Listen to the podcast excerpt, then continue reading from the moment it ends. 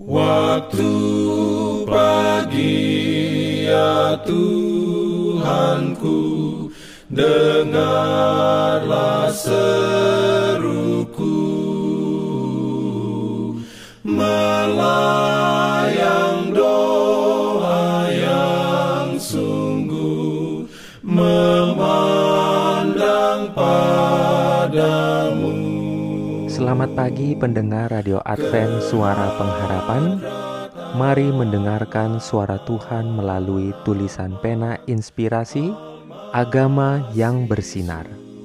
Renungan harian 3 Januari Dengan judul Dalam mempercayai dan mengasihinya Ayat inti diambil dari Mazmur 5 ayat 12 Firman Tuhan berbunyi, tetapi semua orang yang berlindung padamu akan bersuka cita. Mereka akan bersorak-sorai selama-lamanya, karena engkau menaungi mereka, dan karena engkau akan bersukaria orang-orang yang mengasihi namamu.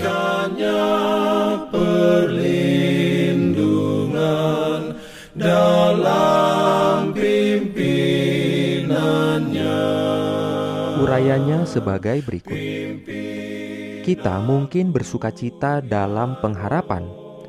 Pembela kita ada di bait suci surgawi memohon demi kita.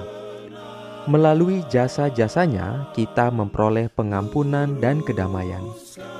Dia mati agar dia dapat membasuh dosa-dosa kita, mengenakan kebenarannya kepada kita, dan menyesuaikan kita dengan penghuni surga, di mana kita dapat berdiam dalam terang selamanya.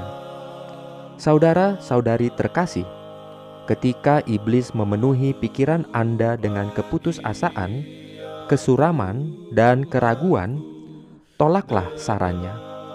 Beritahukan kepadanya tentang darah Yesus yang menyucikan dari segala dosa. Anda tidak dapat menyelamatkan diri Anda dari kuasa si penggoda, tetapi dia gemetar dan melarikan diri ketika kuasa dari darah yang berharga itu didorong. Maka tidakkah Anda akan dengan penuh syukur menerima berkat-berkat yang diberikan Yesus?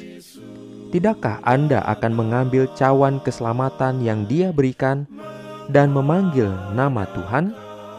Semua kebahagiaan, kedamaian, kegembiraan, dan keberhasilan hidup bergantung pada iman sejati kepada Allah. Percayalah kepada Yesus yang mengampuni dosa-dosa Anda, seorang yang menghendaki Anda bahagia di dalam rumah yang telah disediakan bagi Anda.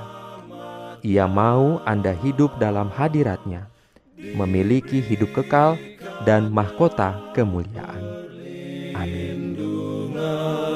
dalam pimpinannya. Pimpinan Jangan lupa untuk melanjutkan bacaan Alkitab sedunia. Percayalah kepada nabi-nabinya yang untuk hari ini melanjutkan dari buku 1 Tawarik pasal 17. Selamat beraktivitas hari ini. Tuhan memberkati kita semua jalan kewajiban,